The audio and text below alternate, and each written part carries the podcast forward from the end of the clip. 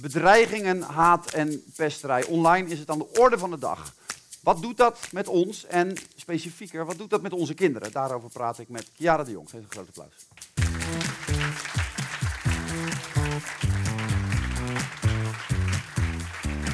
Onderzoek naar kinderen, jongeren. Uh, we gaan het hebben over online pesten. Wat is dat? Ja, dat is uh, in principe een heel breed begrip. Um, en het hangt natuurlijk ook een beetje af van de ontvanger of de toeschouwer of dat dat als pesten ervaren wordt. Um, en ik ga ook meteen de vervelende onderzoeken uithangen, want wij focussen graag op het positieve gedrag. Dus uh, wat kan je nou doen om dat allemaal wat draaglijker te maken of om dat te voorkomen?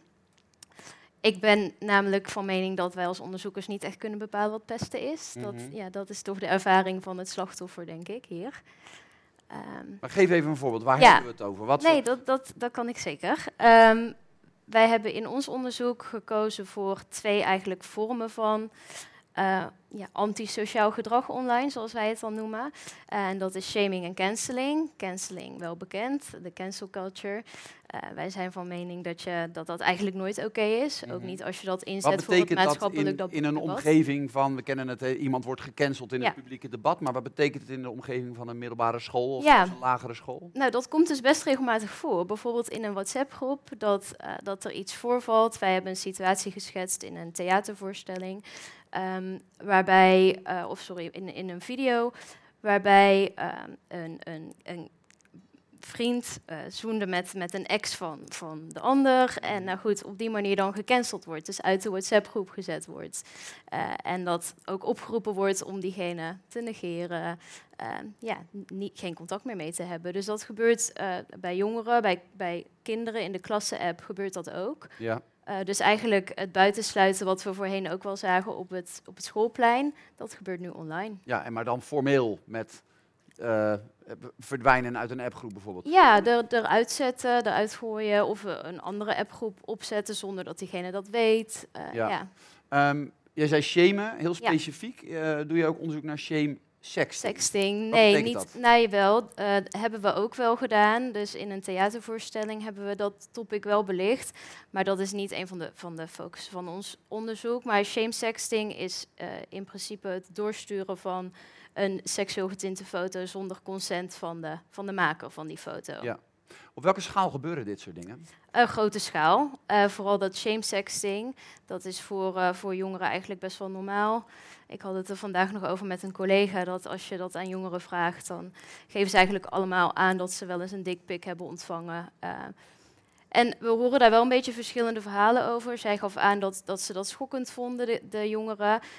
In onze ervaring in een, in een theatervoorstelling gaven ze eigenlijk aan dat dat best wel normaal is, dat dat er een beetje bij hoort. Ehm, Want eh, in voorbereiding op vandaag sprak ik met een paar eh, mensen die ook betrokken, bij dit programma, betrokken waren bij dit programma, van verschillende leeftijden, inclusief mijzelf. En toen kwamen wij er ook achter dat dit altijd gebeurde op de middelbare school. Bij de een op Hives, bij de ander via een platform waarop hij actief was. En weer bij iemand anders in een pre-internet tijdperk, gewoon met foto's die aan de, aan de muren werden gehangen in de middelbare school. Hè? Ja. Ehm, in hoeverre zijn die media nou zo bepalend in het ontstaan van dit soort gedrag? Of is dit iets wat kinderen en jongeren, eh, vuil als ze kunnen zijn, altijd wel doen? Ja, explorerend als ze kunnen zijn. Ja? Ja, Ja. Eh, nee, zeker. Dus, dus ik, het is inherent aan de ontwikkeling van jongeren. Eh, jongeren vertonen risicogedrag. Dat heeft ook een functie in hun ontwikkeling, in de hersenontwikkeling. En ja, bepaalde stofjes die daar allemaal een rol bij spelen. En het is ook heel erg belangrijk dat ze eigenlijk de ruimte krijgen om dat allemaal explorerend, ontdekkend te doen. Hè? Ehm, maar de schaal waarop dat gebeurt, is wat je zegt van foto's uitprinten. Natuurlijk een, een heel andere schaal en, en misschien ook veel minder definitief dan dat het eh, in deze digitale wereld kan gebeuren. Mhm. Kan op veel grotere schaal, veel meer mensen kunnen dat zien. De impact is veel eh, ja, langduriger, denk ik ook. Ja. Eh, dat gaat in principe Schets dat eens even, die impact. Daar doe jij niet specifiek onderzoek Nee, naar, maar daar kun je misschien wel iets over zeggen. Wat doet dit met, met opgroeiende mensen? Ja, ehm shame sexting in het bijzonder of, of antisociaal gedrag? Allebei, ja. Ehm, ja, nou ja, je hebt natuurlijk hele ernstige gevallen van, van jongeren die daar die depressief van, van worden. Eh, je hebt de hele erge gevallen van zelfmoord. Eh, maar dan ja, dan, dan schets je natuurlijk wel situaties waarin dat heel ernstig is. Eh, ik denk dat dat over het algemeen vrij onschuldig is. Net zoals nou ja, pesten kan natuurlijk ook heel erg uh, een grote impact hebben op het leven van een kind. Maar het kan ook heel onschuldig gebeuren op een, op een veel kleiner niveau, op de basisschool, op het schoolplein. Uh, dus ik denk, ja, die impact, ik heb die persoonlijk niet zo heel goed in kaart. Nee. Ik denk dat die groot kan zijn op individueel vlak. Maar um, nou, dat, dat we daar niet al te bang voor moeten zijn. Dat we meer moeten focussen op wat er dan wel moet gebeuren online. Ja, daar gaan we het zo over hebben. Ja. Ik wil nog eventjes van je weten, want jij bent dus gaan duiken in uh, een van jouw onderzoeksvormen was eigenlijk zo'n theatervoorstelling ja. hè, met jongeren. Ja. Um, wat, wat, wat heb je geleerd van ze? Wat heeft je uh, verbaasd, geschokt um, in, in, in wat zij vertelden of lieten merken over dit soort gedrag? Ja, dus goed om hierbij te vertellen is dat we hier dus focusten op um, positief omstandengedrag. Ja. Dus wat ik al zei, uh, in plaats van te focussen op het antisociale gedrag, keren we het graag om. En uh, welk gedrag moet, moeten ze dan wel vertonen? Uh, want op die manier kan je ook een gedragsverandering in, gang gaan zetten. Um, dus dit ging over positief omstandengedrag en ingrijpen bij antisociale situaties. Um, een grote voorstelling opgezet met vier influencers. Um, niet geen echte influencers overigens, maar zo voelde dat dus wel voor de jongeren. -hmm. Wat we zagen was dat uh, uh, de mate waarin ze zich konden identificeren met het slachtoffer en de sociale norm hierbij een supergrote rol speelde. Dus um, een grote groep van de jongeren die daar aanwezig was, die identificeerde zich sterk met, met de jongen die, die hier staat. Um, en ze kwamen ook heel sterk voor hem op. Daarbij uh, vertoonden ze ook minder sociaal gedrag naar de andere influencers. Mm -hmm. Uh, daar hadden wij ze niet toe opgeroepen, dat gebeurde gewoon. Dus dat was wel heel erg bijzonder om te zien. Uh, dus juist in zo'n offline setting, dus we weten allemaal wel dat dat online gebeurt, maar als je dat dus simuleert offline, gebeurt dat ook. Um, maar ook die sociale norm was heel sterk. Um, als het gaat om opkomen voor een ander, dan doen ze dat over het algemeen niet zo, niet zo snel, met een paar uitzonderingen. Um, en dat komt vooral omdat ze heel erg bezig zijn met wat doet de rest om mij heen. Mm -hmm. um, dus je ziet hier op beeld uh, een aantal hele nare reacties. Dus een influencer ging zitten en een andere influencer las dat voor.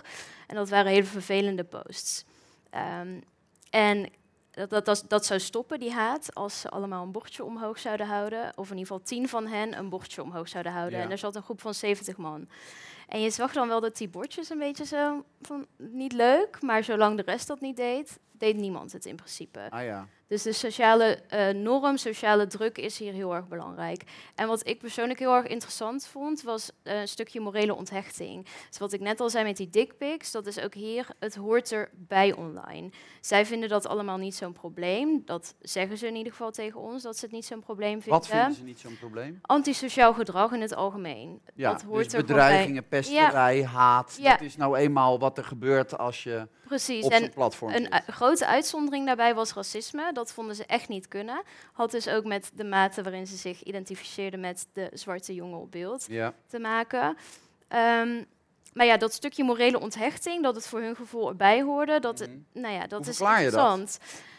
Ja, ik denk er zijn twee verklaringen voor. Als uh, volwassene onderzoeker denk je dat klopt niet, uh, want het hoort er niet bij, het is niet goed voor je. Uh, maar dat is heel erg ons beeld. Hè. Wij, wij, schetsen vaak een wereld die, ja, die bij ons past. En misschien dat dat niet hun wereld is. Zij wilden heel graag handvaten voor hoe je daar dan mee om kon gaan met dit soort situaties. Dus nou, we kunnen zeggen, dat gaan we, gaan we ze bieden. Um, aan de andere kant voelt het ook een beetje alsof ze uh, er niet echt afstand van willen doen van social media, digitale media. En dus zichzelf, nou ja, eigenlijk uh, proberen wijs te maken om het een beetje belerend te zeggen dat het niet zo erg is. Ja. Om ook Zit er nu niet... over na te denken terwijl je dat vertelt. Het ja. is ook niet uh, uniek voor jongeren. Uh, het is, ik, bedoel, ik denk dat er mensen uh, hier in de zaal zijn die enorm beschaafd zijn, maar op Twitter ja. iemand voor. Nou, er zitten ieder geval een paar mensen te lachen die dat Ja. kennen uit van achter hun eigen computer. um, maar voor randebiel uitschelden of, of, of, of wa- wat dan ook. Wat is dat toch met ons? Ja, dat is een goede vraag. Ehm, ik denk, ehm, En jij zit hier maar zo optimistisch te zijn over dat Ja. we best wel kunnen leren allemaal. Om, Nou- om ook online beschaafd gedrag te gaan. Denk je dat echt? ehm, nou, ik weet niet of dat het beschaafder gaat worden. Dus ik, ik kan me daar, daarin best wel vinden in de jongeren. Dat ze zeggen, Het hoort er nou helemaal misschien bij. moeten we daar niet zozeer op focussen, maar meer focussen op wat we daaromheen kunnen doen. Mhm.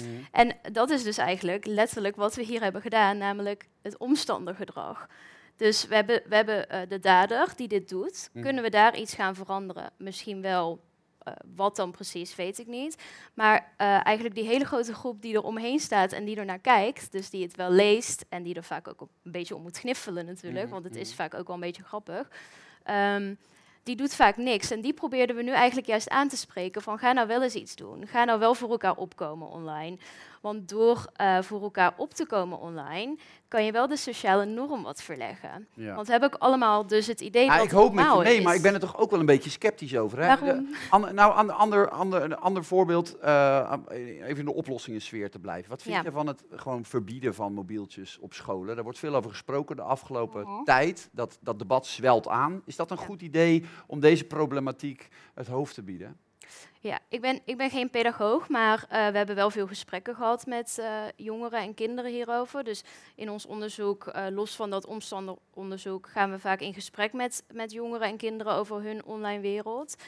Ehm, en daarin zien we dus wel dat kinderen heel erg behoefte hebben aan steun vanuit de fysieke omgeving. Dus bijvoorbeeld een platform, maar ook heel letterlijk met oplossingen komen. Want dat vragen, vragen we aan ze. Wat is dan een oplossing? Wat heb jij nodig? Ehm, en daarbij noemen ze bijvoorbeeld, ik wil graag dat er een knop is om iemand te kunnen blokkeren. Ik wil graag dat mijn ouders een schermlimiet instellen. Dat ze een code op mijn telefoon zetten, zodat ik mijn telefoon niet kan gebruiken. Verslaafden die een, eh, een schreeuw om hulp naar de buitenwereld, Nou, help mij met mijn verslaving omgaan. Verslaafden niet, maar wel jongeren die nog geen zelfcontrole hebben. Ja. Hè? Dat is nog heel erg En daar dus wel heel erg behoefte aan hebben. Ja, zeker. Want ze willen ook echt wel andere dingen doen dan alleen maar de hele dag op hun telefoon zitten. Ja. Ehm, dus ik, ik weet niet, ik denk dat zo'n zo'n eh, verbod op, eh, op telefoons niet per definitie verkeerd is. Mhm. Als dat ervoor zorgt dat, dat jongeren misschien ook buitenschool wat bewuster omgaan met hun telefoon. En er wat meer bij zijn als ze die gebruiken. Wat wij natuurlijk als volwassenen ook allemaal moeten doen. Niet jongeren alleen, wij ook. Eh, dan kan dat best wel een verandering in gang zetten. Ja. Laatste vraag. Mijn Ja. dochter is vijf. Mhm. Jij hebt twee kinderen. Ja. Die zijn nog iets jonger. Ja. Dus jij hebt nog even wat langer te gaan. Je krijgt toch de kriebels als je bedenkt wat ze allemaal niet kan overkomen. Ik bedoel, in de buitenwereld, als ze gaan fietsen is al vreselijk, kan ik uit ervaring vertellen. Maar laat staan dat ze eh, in dit soort modderpoelen eh, of open riolen duiken. Wat, wat, hoe kan ik haar nou weerbaar maken? Ja. En, en Ik ben weer heel optimistisch. ja, Eh, dat, dat blijkt. Ja, nee, ik ben daar niet zo bang voor, omdat het toch ook wel gewoon bij de, bij de ontwikkelingsfase hoort. Dus ze moeten echt de ruimte krijgen om te exploreren, om fouten te maken. En ehm, ik denk dat we zijn allemaal heel bang dat die fouten veel groter zijn online dan offline. Mhm. En ik weet niet of dat, dat het geval is. Dus als je ervoor zorgt als ouder dat je het goede, goede gedrag eh, voorleeft, hè, wat moet je dan wel doen met social media? Wat moet je wel doen met je telefoon? En als je het gesprek aan blijft gaan met je kind, eh, dat hoorden we namelijk ook in de gesprekken met, met de kinderen. Ik wil heel graag bij mijn ouders terecht als er iets is waar ik wel mee zit, waar ik emotioneel niet uitkom, waar ik heel erg verdrietig over blijf. Dan willen ze heel graag dat hun ouders hen daarbij helpen.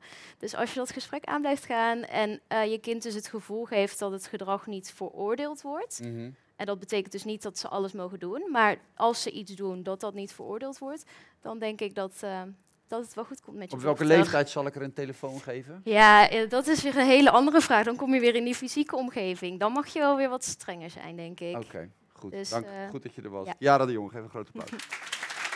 Dankjewel.